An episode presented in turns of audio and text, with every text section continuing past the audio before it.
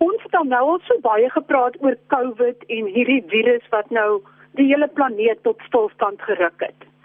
En ons konsentreer grootliks op die respiratoriese probleme, met ander woorde die longprobleme en ook op die stollingsprobleme wat 'n wat 'n probleem raak. En maar daar is ook 'n probleem want hierdie siekte tas ook in sommige gevalle direk die senuweestelsel en die en die brein aan. As jy nou dink dat hoe baie mense sukkel met dat hulle hulle reuksin eh, sin verloor en ook hulle smaaksin. En dit is ook omdat daar direkte invloed op die senuweestelsel is. En sommige navorsers waarsku nou al oor 'n sekondêre pandemie van neurologiese probleme. Daarom is my gas vandag Dr. Eugene Allers. Hy's 'n psigiater verbonde aan SASOP. Dit is die Suid-Afrikaanse Vereniging vir Psigiaters en selfs oor die direkte uitwerking van die COVID-virus op die brein en op die senuweestelsel en ons gaan ook vinnig kyk oor hoekom hierdie virus so ou lank sterk het wat maak dat mense nog lank nadat hulle van die belangrikste simptome herstel het, hulle nog steeds nie lekker voel nie. Baie welkom dokter Allers. Goeiemôre Marie. Dokter Allers, vertel ons van hoe die hoe hierdie virus 'n direkte invloed het op die brein, op die neurologiese stelsel of op psigiatriese probleme wat kan volg. Wat gebeur tydens 'n infeksie? Iemand dan nou nie meer lekker kan ruik of proe nie en ek verstaan ook dat baie mense het geen ander simptome nie maar dan raak hulle deurmekaar. Ja, daar is verskeie meganismes. Ehm um, natuurlik die eerste meganisme is, is die die vraag of val die virus direk die brein aan. Soos wat die virus byvoorbeeld die longe sou aanval. Ehm um, en, en dit het dan natuurlik 'n direkte effek op breinfunksie want dan sal daar dit beteken dat sekere van die breinselle doodgaan en ook doodgemaak word deur mense eie immuunstelsel.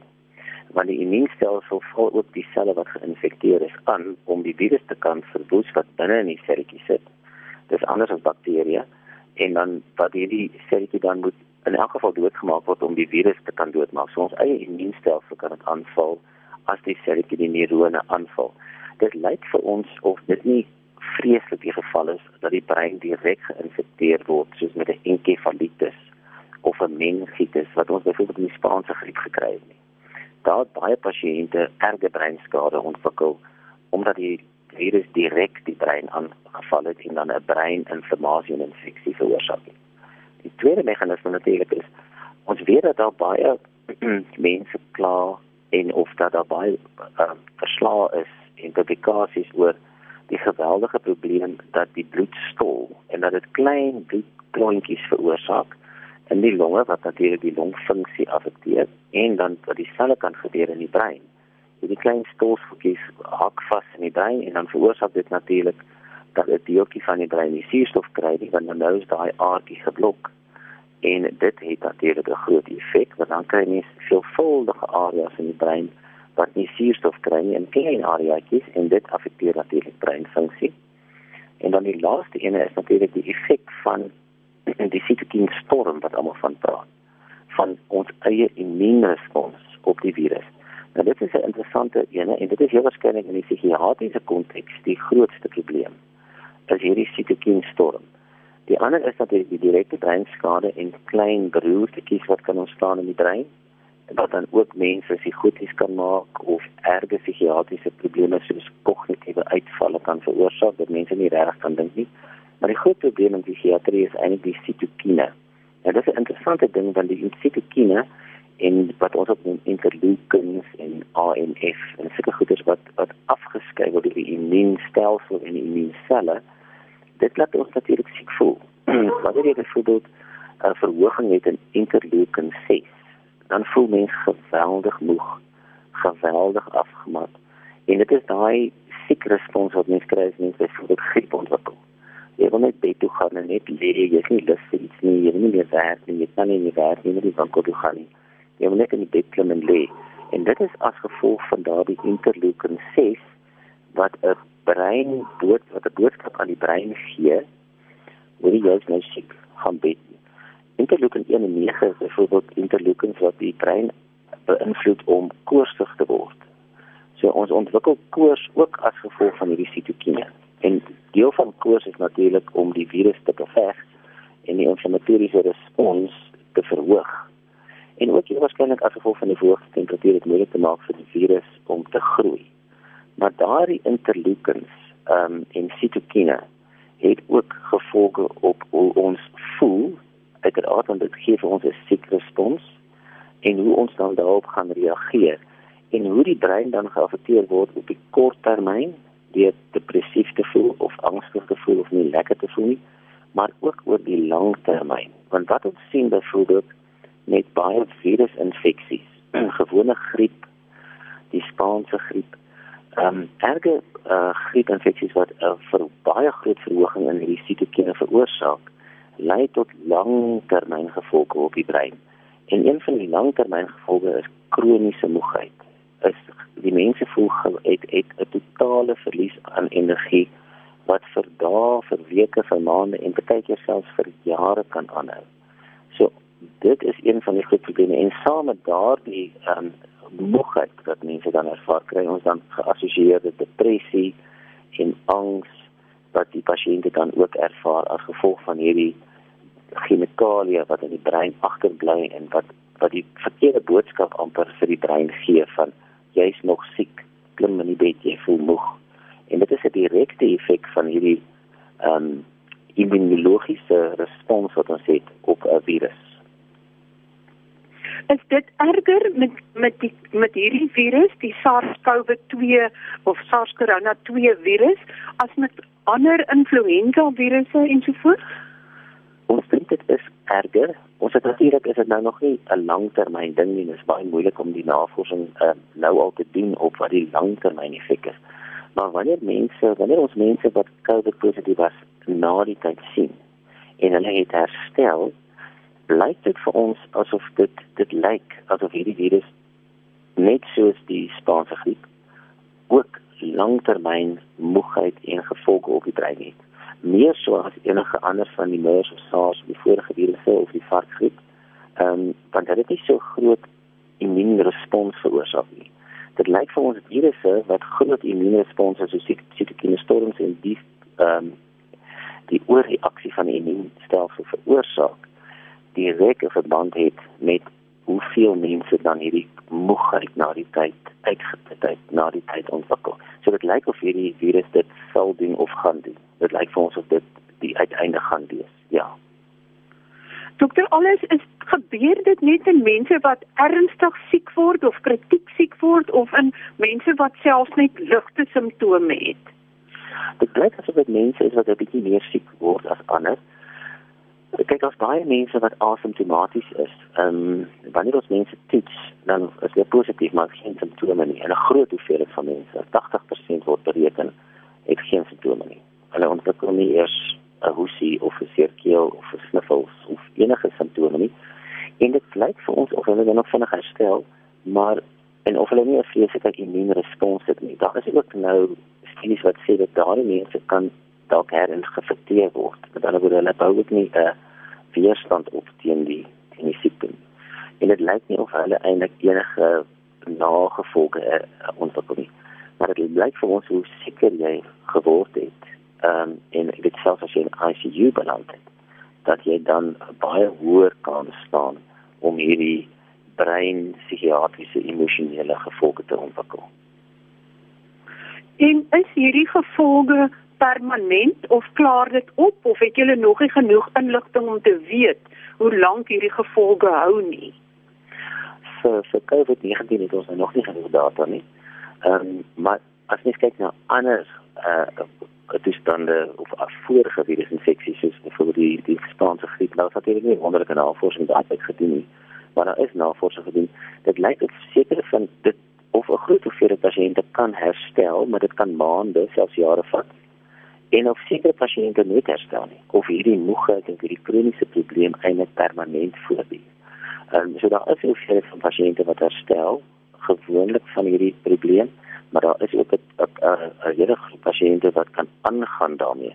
Ons sien dit ook byvoorbeeld in Epstein-Barr, ehm um, mononukleose wat ons uh, weet dat daar mense moeg voel en waar hulle nie fisies beter voel nie. Ons sien dit ook in toestande soos reumatoïde artritis, sistemiese lupus erythematose waar pasiënte geweldige hoë uh, interleukin vlakke bly handhaaf as gevolg van hulle eie inflammasie in hulle in hulle stelsel. Ehm um, en dan bly hierdie moegheid daar. Ehm um, wanneer jy dit wel die pasiënte se interleukins en sitokine toets na die tyd al en hulle is nog steeds moeg, lyk dit of die of die vlakke daal. so dit lyk of die of dit nie die direkte invloed van die vlakke is nie, maar die wat die wat die vlakke aan die begin dalk doen aan die brein en die boodskappe wat dit aan die brein gee en dan gaan die vlakke dan laag bly daai boodskap in die brein van jy het eintlik nog 'n infeksie jy het eintlik jy is eintlik nog siek.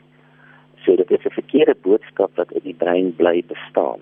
Dit kan waarskynlik wees as gevolg van skade wat hierdie interleukins dan mikroskopies wat ons nie kan sien op 'n skandering of of 'n ekstra nie maar dit is 'n biochemiese skade wat dit waarskynlik aan van hierdie selletjies in die brein aanrig. Is daar enige manier wat mense dit weer kan herstel of normaliseer? Ehm um, dit dit as, as dit is heel waarskynlik ons weet post herpetiese en postvirale moegheid kan herstel of kan baie beter word deur die regte dinge te doen. Ehm um, daar was 'n tyd dat mense byvoorbeeld die die die, die vorige uh, term daarvoor was yappy flu of myelitis, uh, myalgia encephalitis. Uh, wat mense gesê is of aangesê is om stil te bly, om in hulle beddens te bly, om rustig te bly, om nie te beweeg nie. Ehm um, dit het natuurlik 'n gevolg gehad dat baie mense omtrent invalides geword het. die nuwe navorsing in terme van die kroniese moegheid wat mense ervaar post-viraal, blyk vir ons te weet dat mense eerder dan as hulle herstel het van die virus, eerder moet aktief word. Oefeninge doen. Ehm um, jy weet 'n program moet vol, volg van oefening en ook ehm um, dit kognitiewe remediasie kry dat hulle gehelp word deur arbeidsterapeute en sielkundiges om hulle breine te aktiveer.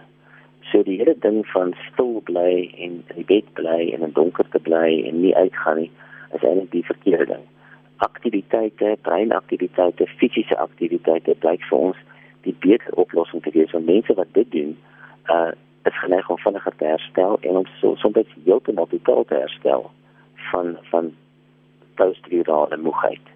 Uh maar as sekere pasiënte bly dit daar bestaan maar selfs al gee dan medikasie daar sekere medikasie wat jy kan gee mense 'n bietjie aktiveer en dan oefeninge en breinaktiwiteit blyk ook te, te te te help om die brein weer te heraktiveer en en en nie net verbindings in die brein te vestig wat dan help om die probleem beter aan te spreek. Sjoe, met ander woorde, die een wat so moeg voel moet nou juist iets doen wat dit wat hy presies voel hy is nie in staat om te doen nie, moet hy probeer doen. jy kan net uh, jouself indink as jy griep ontwikkel dan wil jy net bed toe gaan en dis daai selfe simptoom wat mense het, dan is hy in die griep nie. So dan moet hulle uit die bed uit om uitklim en gaan oefen. So dit is maar 'n stryd kyk dit is hoekom mense maar in hierdie omstandighede moet help met fisioterapeute of body sisteme dat iemand weet ongehelp word om by hierdie ding uit te kan kom want net om daarby uit te kom is die grootste stryd wanneer hulle actually oefeninge doen of aktief uh, weet geaktiveer word dan voel dit dadelik beter. Maar na die tyd dan kom die simptome natuurlik baie keer terug en dan moet hulle weer geaktiveer word om die volgende dag die oefeninge te doen. Dit is daai daai motivering wat dan wat dan ook aangehelp moet word deur iemand wat jou help en sleep om tot oefening te kom en dit is 'n baie moeilike ding om te begin. Sjoe, so dit voel vir my ek het dan baie interleukin 6 wat ek gesukkel om te oefen. Jy kom ook nie by oefening nie. Ja, ja, dit kom nie dit kom nie so van self jy moet elke slag vir jouself motiveer. So ja. dat diegene met hierdie vreeslike lang stert wat hierdie ja. stert ondervind van die COVID siekte moet dan eintlik 'n buddy kry of iemand kry wat hulle aanmoedig om miskien net 'n entjie te stap of ietsie te doen wat hulle wat die brein weer kan reprogrammeer. Ja. So dit is dan maar natuurlik ek het verder ook 'n bietjie gelees oor nie net die direkte invloed van die van die virus op die brein nie wat dat ons natuurlik bespreek het van die interleukens, maar daar is baie interessante goeie navorsing ook wat isolasie aan mense doen fisies en wat dit fisies aan die brein doen. So die direkte invloed van mense wat erg siek word wat ons nou bespreek het is is problematies. Maar die grootste probleem wat ons gaan kry is hierdie isolasie. Want uh, daar's ek lees nou artikels oor wat ehm um, isolasie aan mense doen. Dit verkort mense se lewens direk. Want ons is sulke sosiale wesens, mense, dat as ons geïsoleer word, dan het ons 'n baie hoë hoër mortaliteit. Ehm um, so die isolasie wat ons nou ervaar in die min interaksie tussen mense. En die interessante ding is dat die navorsing wys dat selfs om mense te Zoom of WhatsApp video te doen, en mense se gesigte te sien op nie 'n vreeslike groot verskil maak nie. Dis daai fisiese interaksie wat mense moet hê. En as jy dit nie het nie, dan affekteer dit jou fisies. Jy's geneig om meer siek te raak. Dit affekteer jou immuunstelsel. Dat jy minder immuun is teen aanvalle van virusse en bakterieë. Dat mense wat geïsoleerd leef, want in Engeland byvoorbeeld is daar baie goeie studies want hulle reken dat ten minste 50% van die bevolking alleen leef in een woonstelletjie, een persoon. En wanneer hulle daai navorsing doen op hierdie persone versus mense wat sosiaal is, wat in groot groepe leef of in groot families leef en groot vriendekringe het, daai mense is gesonder. Hulle lewe langer as mense wat alleen bly. So die isolasie wat wat hierdie COVID ook veroorsaak het, het 'n direkte invloed uh of jy ook ander siektes gaan ontwikkel en selfs COVID gaan ontwikkel en op jou lang lewendheid of hoe lank jy gaan lewe en hoe siek jy gaan word. So dit het eintlik 'n baie groter effek as wat ons dink. Ehm um, selfs net op die die psigiese vlak, hoe in hierdie psigiese probleme jou liggaamlik dan kan beïnvloed en jou immuunstelsel kan beduiwel en ook jou jou kyk op die lewe en dat dat mense dalk makliker kan doodgaan as hulle so geïsoleerd is. So dit is dit ons moet al hierdie dinge in ag neem wanneer ons dink aan aan isolasie en die siekte self. Want dit is 'n dit is 'n balans wat moet gehandhaaf word tussen al hierdie verskillende dinge. So dit is 'n baie moeilike ding om te hanteer. Ja, maar dit voel vir my of die balans heeltemal skeef getrek het want 'n klein persentasie kry COVID. En die wat COVID kry, het nie almal 'n nagevolge nie. En die sterfte koers is ook eintlik baie laag relatief gesproke tot baie baie ander siektes. Maar die hele bevolking is in isolasie en kan eintlik hierdie ander probleme ontwikkel want dit is 'n abnormale bestaan. Ja. Dit is 'n probleem. Wanneer ons bijvoorbeeld kyk na kinders um, en babatjies wanneer hulle weet met hulle ouers in interaksie tree, weet en kyk na die gesigte, daar's baie goeie navorsing gedoen daaroor en mense kan op video na video's kyk van selfs net as as as 'n ma na 'n babatjie kyk en met die babatjie gesels. En en ek wil ons praat hier van 'n 6 maande ou kind. Hulle het nog nie taal nie, hulle het niks nie, maar wanneer die ma met haar oë trek en haar mond trek en met die kind Google en en en gelykies maak en en interaksie met die kind is dan dan dan het die kind dieselfde respons. Ehm um, wanneer ons dan in die navorsing die ma vra om net na die kind te kyk, geen emosie te toon nie en doodstil te bly en op nie haar oë te verander nie dan ontwikkel die kind stres binne 'n binne 'n halwe minuut. Die kind kan nie glo wat hy sien nou skielik nie, want daar's nie 'n interaksie nie. En dan begin hulle later huil. En en daai nie daai gesig ehm um, uitdrukkings en daai kontak wat ons visueel kan maak met mense maak ons rustig, maak ons kalm. Ehm um, dit maak kinders kalm, dit maak groot mense kalm. So hierdie ding wat mense nou geïsoleerd is en nie met jou kollegas kan interaksie tree nie en ook nie met jou vriende in interaksie tree nie is is is problematies op ons stelsels. Dit is nie net psigies nie, maar fisies ook. Natuurlik psigies 'n groot probleem dat dit is jy weet mense ontwikkel baie makliker dan depressie en angs. En natuurlik op die langtermyn dan ons dan gaan dit oor na fisiese toestande toe wat mense se mortaliteit verhoog. Dit is 'n baie interessante studie.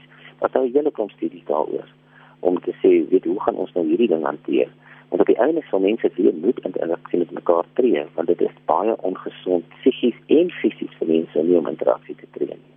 En natuurlik met 'n masker op is daar minder visuele kontak met mense, want jy sien net hulle oë, so die masker is ook 'n probleem.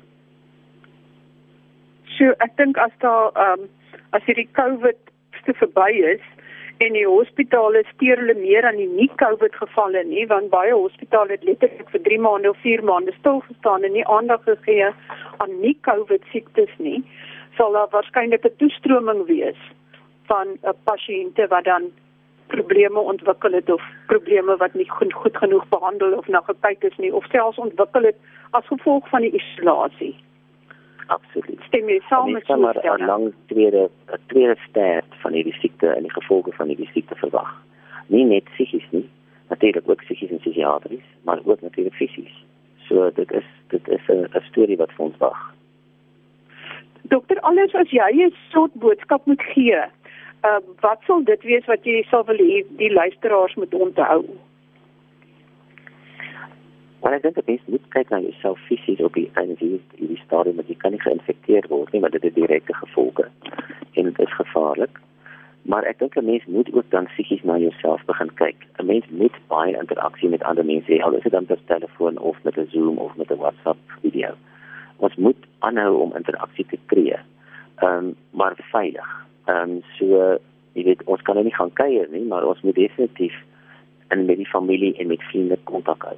Ons moet um, ons steeds jy weet buite kom. Ons moet steeds ons oefeninge doen. Ehm um, met met sosiale afstand. So ons moet kyk dat ons ons sosiale interaksies so naby en veilig as moontlik kan doen sodat ons nie jy weet sodat mense hierdie hierdie effekte wat ons nou ervaar in terme van isolasie en min kontak en sosiale kontak half kan uitbalanseer dat ons nie oor die lang termyn die gevolge daarvan gaan hê nie. Ons sien dit ook met met die met die met die ehm um, met die mediese personeel van die hospitale wat direk gekonfronteer word met al die mense wat siek is en doodgaan, dat hulle ook geweldige angs en in 'n hulle geval moet hulle dan ook natuurlik baie mooi na hulle self emosioneel kyk. Dat hulle nie die hele tyd net die gedagtes van hierdie hierdie hierdie probleem op hulle brein sit nie, maar ook dan ander lekker dinge doen en ander meer gebalanseerde dinge doen net om dit hierdie effek te teen teen te teen te werk. So dit is maar 'n belangrike ding wat ons moet doen. Ja, ons moenie vergeet daarvan nie. Baie baie dankie dokter Allers. Ek het nog so twee vinnige boodskappe wat ek aan die luisteraars moet oordra. Dankie, baie baie dankie. My gas was dokter Eugene Allers. Hy is lid van SASOP, die Suid-Afrikaanse Vereniging vir Psigiaters en uit hierdie insigte met ons gedeel oor die effek van COVID, die inperkings op ons en ook die COVID virus self op ons neurologiese sisteme. Ek wil net baie vinnig twee aspekte aan aan jou die luisteraar oordra. Die een is dat Suid-Afrika se aantal COVID gevalle positiewe staan nou neende hoogste in die wêreld. Maar om bloot na die totale aantal COVID positiewe gevalle te kyk gee nie die werklike konteks van die van die verspreiding of die omvang van die siekte in die land nie. Suid-Afrika is nommer 30 op die lys van lande in die wêreld as mens appels met appels vergelyk betreffende COVID positiewe gevalle per miljoen van die bevolking. Ons het net so uh, 5000 per miljoen mense Met ander woorde 5 per 1000 mense of 0.5% van mense wat siek is. Dit is die helfte van die FSA wat op 1% staan. Nie een enkele land se COVID positiewe gevalle is meer as 2%. Inteendeel, alle lande in die wêreld staan tussen 0.2 en kleiner as 2%.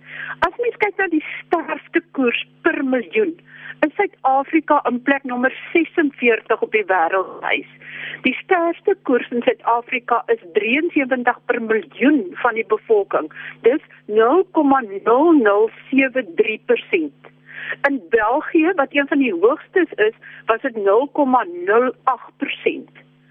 En as jy kyk na die hoeveelheid toetse wat gedoen is in die wêreld en in Suid-Afrika en hoeveel van die toetse wat gedoen is positief is, is dit duidelik dat nêrens in die wêreld is die maksimum koers vir positiewe toetse meer as 17%. In Suid-Afrika staan dit min of meer op 13%. En dan wil ek net vinnig sê dat Suid-Afrika se sterkste kruin word verwag om tussen 21 Julie en 4 Augustus te wees. Die Weskaapse kruin is reeds verby en Oos-Kaap is baie naby aan sy kruin. Gauteng ook en in Suid-Afrika as 'n geheel tussen 21 Julie en 4 Augustus waarna dit stadig sal begin afplat. En dan moet ek net iets sê oor teenliggaamtoetse. Ek het in 'n uh, vorige gesprek agtergekom dat daar nie teenliggaamtoetse in Suid-Afrika beskikbaar is nie en dit het begin navraag doen. En dit blyk dat daar 'n geweldige gedraai is van die Suid-Afrikaanse gesondheidsprodukte uh, agentskap om die uh, toestelle wat waarvoor mense kan gebruik om teenliggame te toets van die teenliggaamtoetse kan sê wie het al uh COVID gehad of wie was al daar blo aan blootgestel en wat is die koers in die bevolking. Maar en nou blyk dit dat daar uh sekere Chinese teeliggaamtoetse in Suid-Afrika goedgekeur is, maar aan onbekende patologie laboratoriums en dit word ingevoer deur uh, groepe wat niks met patologie toetse te doen het nie. En ek het baie baie vrae hier oor en ek hoop om volgende week met iemand te gesels oor hierdie vreemde vreemde dinge wat met die goedkeuring van teenliggaamtoetsing en die beskikbaar maak van teenliggaamtoetse in Suid-Afrika gepaard gaan. Groete tot volgende week dan wanneer ek weer oor gesondheidsake gesels en soos ek sê ek gaan probeer om hierdie ding oor die teenliggaamtoetsing 'n uh, bietjie lig te gee. Tot volgende week dan groete van my, Marie Hudson.